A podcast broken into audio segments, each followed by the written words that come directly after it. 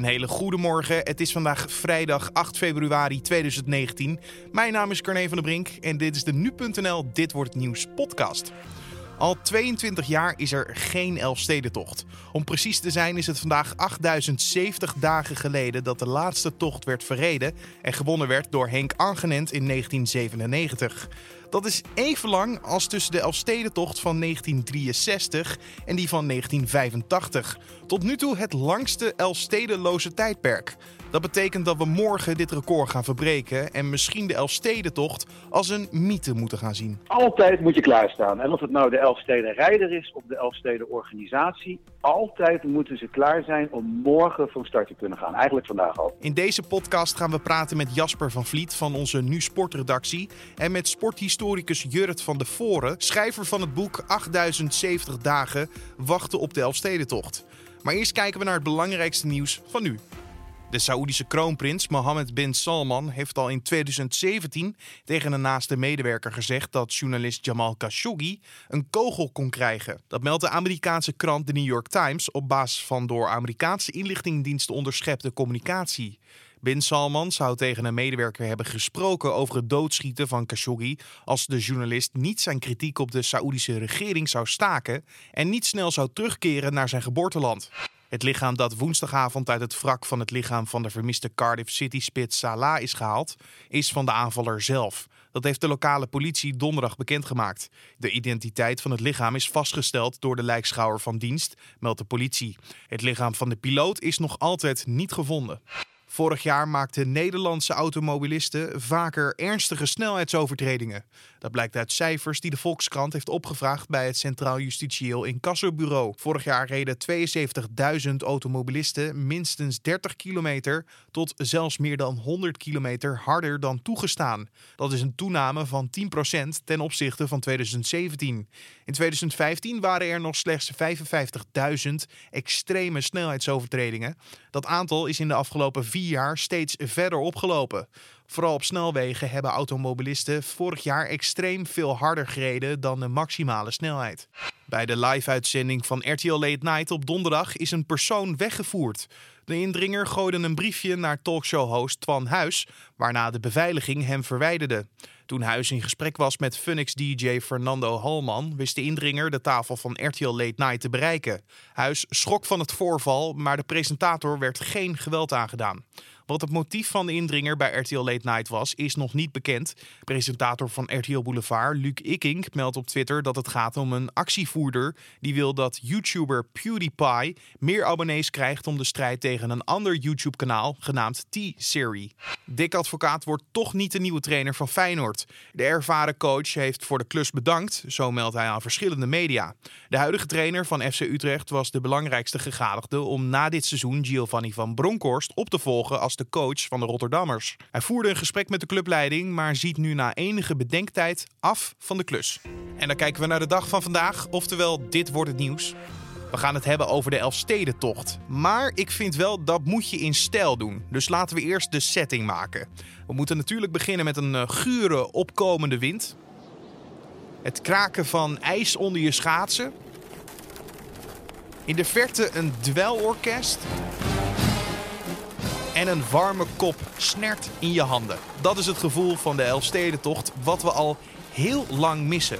Al 22 jaar is er geen Elfstedentocht. Om precies te zijn, vandaag is het 8070 dagen geleden dat de laatste tocht werd gereden. Die werd toen gewonnen door Henk Angenent in 1997. Deze periode van wachten is even lang als tussen de Elfstedentocht van 1963 en die van 1985. Tot nu toe het langste Elfstedenloze tijdperk. Dat betekent dat we morgen dit record gaan verbreken met 8071 dagen. Maar laten we even teruggaan naar die laatste editie van 1997. Dames en heren, welkom. Het giert on. Komende zaterdag 4 januari wordt de 15e Elfstedentocht verreden. En de Elfstedentocht van 1997 op zaterdag 4 januari, de 15e in de historie, is begonnen. Daar komt Hulsebos. Rechts in beeld, in het midden Angenent. Het woord Angenent. Angenent of Hulsebos? Hulsebos. Het gaat om centimeters. Hulsenbos of Angenent? Hulsenbos of Angenent? Het wordt Angenent.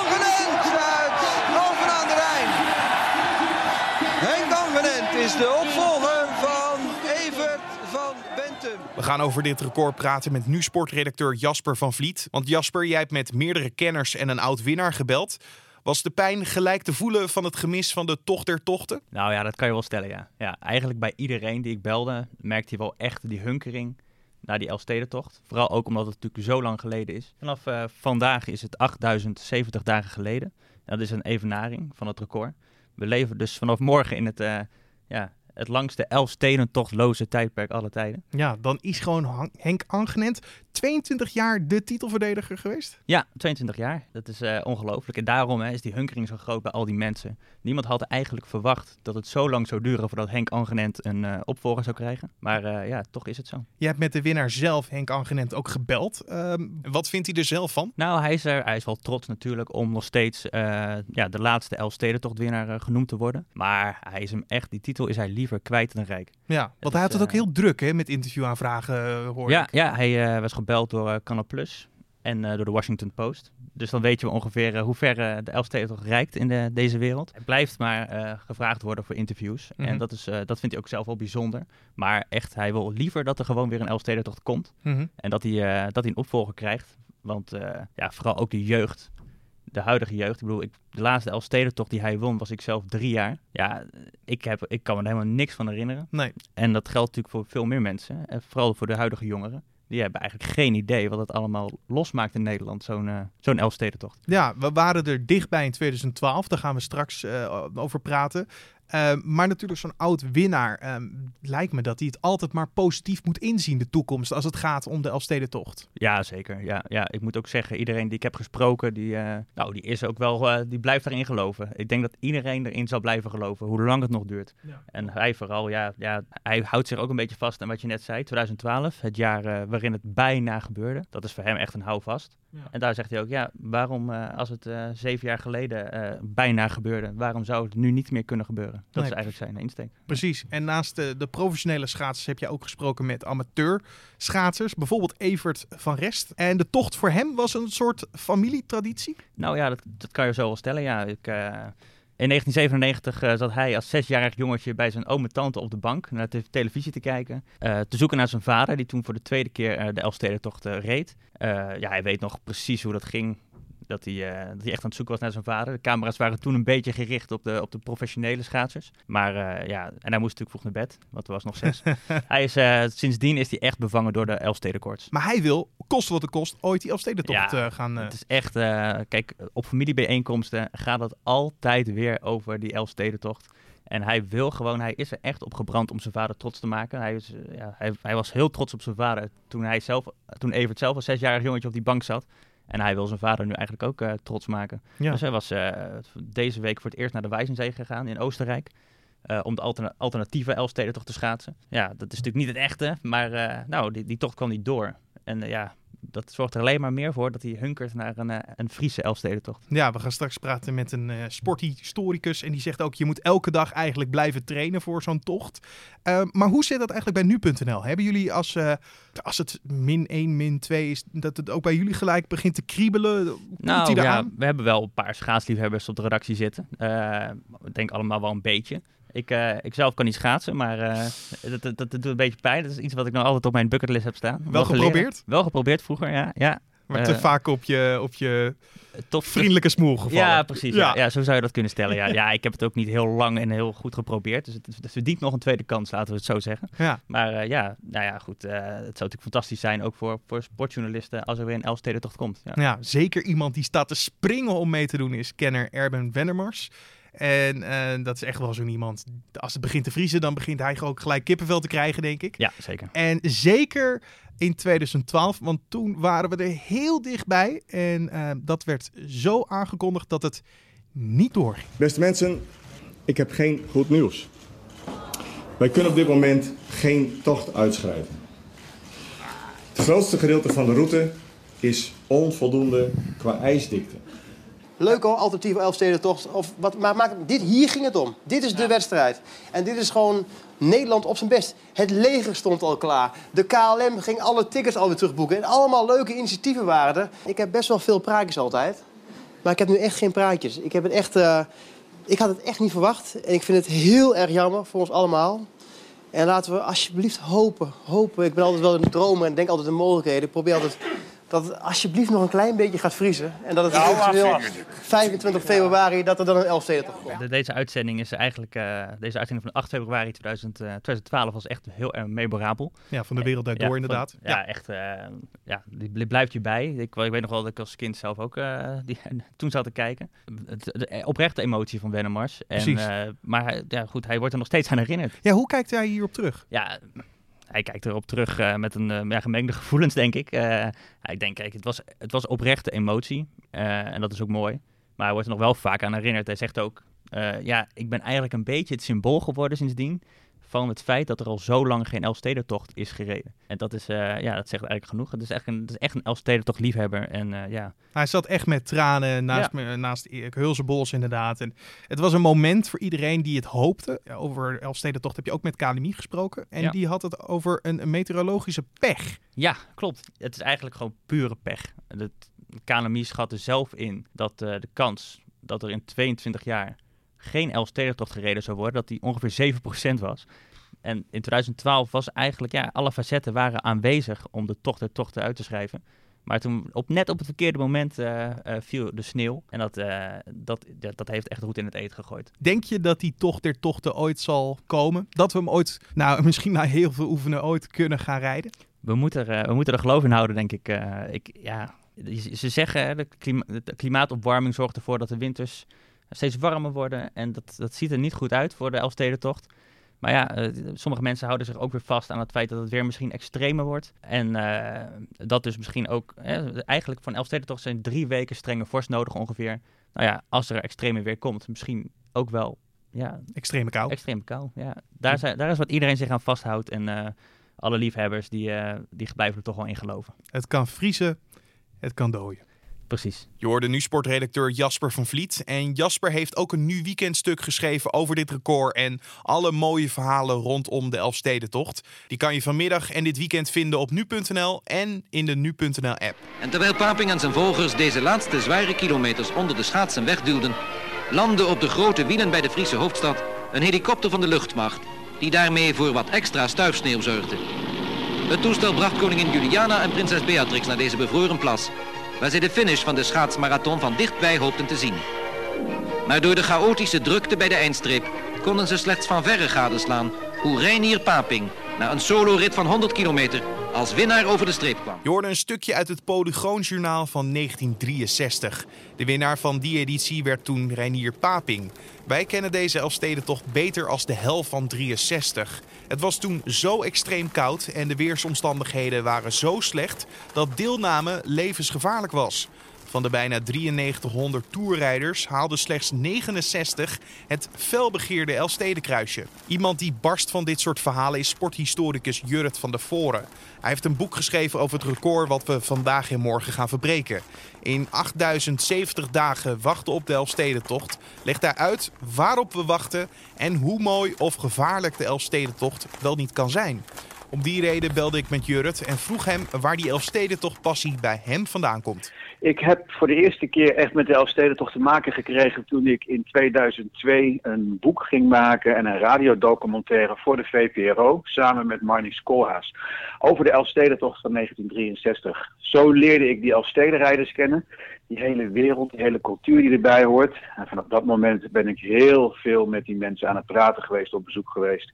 Zo is het begonnen. Ja, want uh, die Elfstedenrijders, wat zijn dat voor type mensen? Ja, dat is precies wat je hierbij voorstelt hè, voor een Elfstedentocht. Mensen die in staat zijn om 200 kilometer uh, te kunnen schaatsen onder erbarmelijke omstandigheden.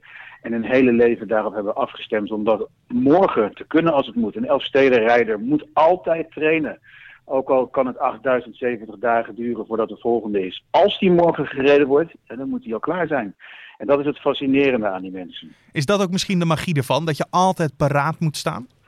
Altijd moet je klaarstaan. En of het nou de Elfsteden Rijder is of de Elfsteden Organisatie, altijd moeten ze klaar zijn om morgen van start te kunnen gaan. Eigenlijk vandaag al. Ja. Dus dan niet denken, oh jee, gezellig, het wordt koud. Laat ik eens even gaan nadenken over die Elfstedentocht. Dan ben je echt te laat. Of je hem nou rijdt of organiseert. Maar dat behelst mensen echt hun leven ook, neem ik aan. Enorm. En dan vooral echt de wedstrijdrijders. Hè. Dat is natuurlijk nog een slag extra. En de hele fanatieke toerrijders die hem altijd opnieuw rijden. Het bepaalt letterlijk hun leven en kan soms zelfs hun leven verwoesten. In 1947 was er een Elfstedentocht die eindigde in een vreselijke chaos. Heel slecht georganiseerd. Die maandenlang onderzoek geweest naar wat er allemaal op het ijs gebeurd is. En mensen wilden daarna soms er niet meer over praten. Omdat ze zeiden, door die Elfstedentocht ben ik mijn vrouw kwijtgeraakt. Ben ik mijn huis kwijtgeraakt. Echt, hun leven was verwoest door die Elfstedentocht. Gelukkig, de meeste rijders die hebben er mooie herinneringen aan. Gelukkig maar. Want jij hebt echt heel veel zaken onderzocht als het gaat om de Elfstedentocht. Der tocht der tochten. Ehm, wat was bijvoorbeeld een heel gek feitje wat je hebt onderzocht? De Elfstedentocht van 1963, ideale triviantvraag. Door hoeveel steden is die gegaan? Ja, nou, dat zullen er wel elf zijn. Maar strikt genomen waren het er tien. Want de Elfstedentocht van 1963 is begonnen buiten de toenmalige stadsgrens van Leeuwarden. En is gefinished buiten de stadsgrens van Leeuwarden. Is dus niet officieel binnen de stadsgrens van Leeuwarden geweest. En daar waren de inwoners toen heel erg boos over. Die zeiden van, hebben we eens een keertje geen kwakkelwinter? Gaat het Elfstedenbestuur weer lopen kwakkelen. dus de Elfstedentocht van 1963 is door tien steden gegaan. Ja, want inmiddels is een uh, complete generatie opgegroeid zonder een Elfstedentocht. Um, denk je dat die nieuwe generatie, de huidige generatie, ook verwachtingsvol aan het wachten is op die It Get On? Ik hoop het. Ik hoop dat het zo uh, weer doorgaat. Maar dat lijkt me wel. We moeten eerst even afwachten totdat die 16e Elfsteden toch definitief wordt uitgeroepen. Dat zal trouwens niet met de woorden It Get On zijn. Waarmee wel, dat weten we nog niet. Maar die is alleen maar voor de tocht van 1997 gebruikt. Dat zal nooit meer gebeuren. Oh. Maar die hele, de hele nieuwe generatie, die, uh, die zal ook wel klaarstaan. Van, net zoals, kijk, ik ben van de generatie die moest wachten tot 1985. Hè? Ook 22 jaar. En meteen was het raak hoor, toen het begon. Iedereen ging er naar kijken, of het op televisie was, of naar Friesland toe, of zelf op het ijs stond. Iedereen die toen 11, 12 tot 20 jaar was, was er net zo doorgegrepen als de oudere mensen. Alleen het was toen voor ons de eerste keer. En er zal weer een hele nieuwe generatie zijn voor wie het de eerste keer wordt. Uh, die passie vanuit jou komt omdat je voor je werk radiodocumentaires hebt voorgemaakt uh, over de Elfstedentocht. Maar zou je hem zelf ook willen rijden? Nee, ik kan niet schaatsen. Dus ik zal hem ook niet gaan rijden. Elke Nederlander uh, wordt geacht dat hij kan fietsen en schaatsen en zwemmen. Nou, dat fietsen en zwemmen, dat doe ik een beetje elke dag. Maar schaatsen, dat kan ik niet. Ik hou graag wetenschappelijke en journalistieke afstand tot mijn onderwerp. maar dat neemt niet weg van dat ik de Elfstedentocht gewoon echt waanzinnig vind. En dat ik hoop dat als het kan, dat hij nog deze winter wordt gereden. Dat gaat niet gebeuren, maar dat is hoop. En dat ik het dan kan zien, het zij op televisie, het zij in Friesland, dat maakt me niet zoveel uit. Maar één ding hoeft de organisatie zich geen zorgen over te maken, dat is dat ik hem ook wil schaatsen. Maar in ieder geval de, de, de Elfstedentochtrijders, die kijken elke dag weer, is dit het moment, weer morgen anders een andere dag. Ja, en dan zijn er natuurlijk ook nog hele, al heel veel andere manieren om te schaatsen. Inmiddels lijkt het alsof een winter alleen maar winter is als er een Elfstedentocht ja. wordt geschaatst. Maar eigenlijk is een winter, uh, is een Elfstedentocht in een winter het toetje van een hele lange winter. Dus voordat er überhaupt een Elfstedentocht zou komen, hebben we al heel veel andere schaatstochten gehad. Want dan moet het lang genoeg voor vriezen. Het is niet zo of we schaatsen niet of we schaatsen de Elfstedentocht. Er zit nog heel veel schaatswereld daartussenin. Ja, en vandaag dus die dag dat we uh, het record gaan evenaren. Hoe ga jij die dag invullen? Ik ga heel ochtends vroeg naar Leeuwarden rijden. En de hele dag kijken of ze die niet toch stiekem gaan rijden. Van dat ze niks tegen me verteld hebben. En als ze nog niet rijden, nou, dan ben ik toch in Leeuwarden. En dan is er ook nog een, uh, een, een filmmarathon over de Elfstedentocht. En s'avonds in de Elfstedenhal is er ook nog een bijeenkomst over Elfstedencultuur en schaatsen.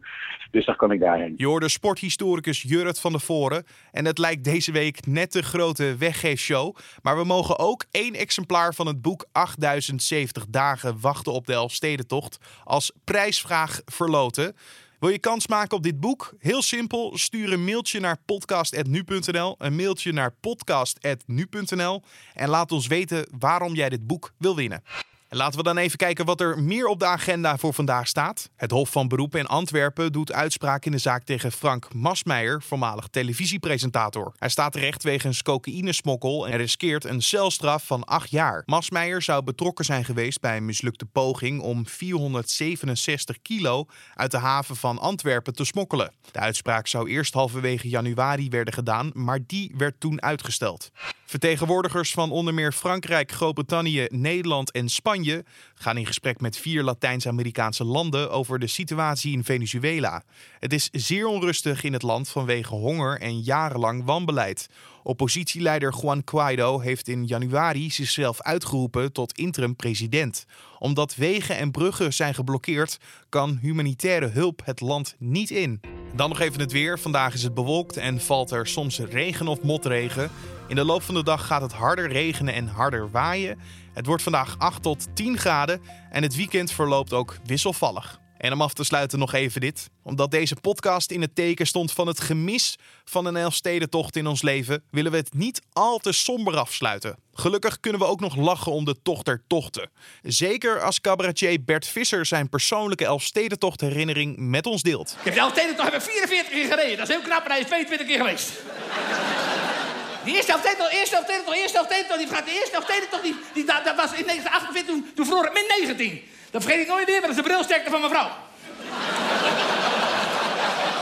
maar wij kennen geen kou. Wij kennen geen... Wij, wij, wij, wij, wij, geen koud. Gewoon een, krant onder je trui, een van vaseline door je bilnaad, een brandende bil op feestje gaan, naast je snikkel en gaan. wij kennen geen kou. Ja, er is ook een vogel, die heet ook kou. Maar verder kennen wij geen kou. En bij het eten, bij het eten was het wel eens een taai stukje vlees. en zei mijn moeder kou. Maar verder kennen wij geen kou. Jezus, wat uitleg. Het Engels voor koe is ook kou. Heb je nou weer zin? En dit was dan de Dit Wordt Het Nieuws podcast voor deze 8 februari. Je vindt de podcast natuurlijk elke maandag tot met vrijdag om 6 uur ochtends op de voorpagina van nu.nl en in je favoriete podcast app. Laat ons weten wat je van deze podcast vindt. Dat kan je doen via een mailtje naar podcast.nu.nl of een recensie in iTunes. Mijn naam is Carne van der Brink. Voor nu een hele, hele mooie vrijdag. Een mooi weekend en tot maandag.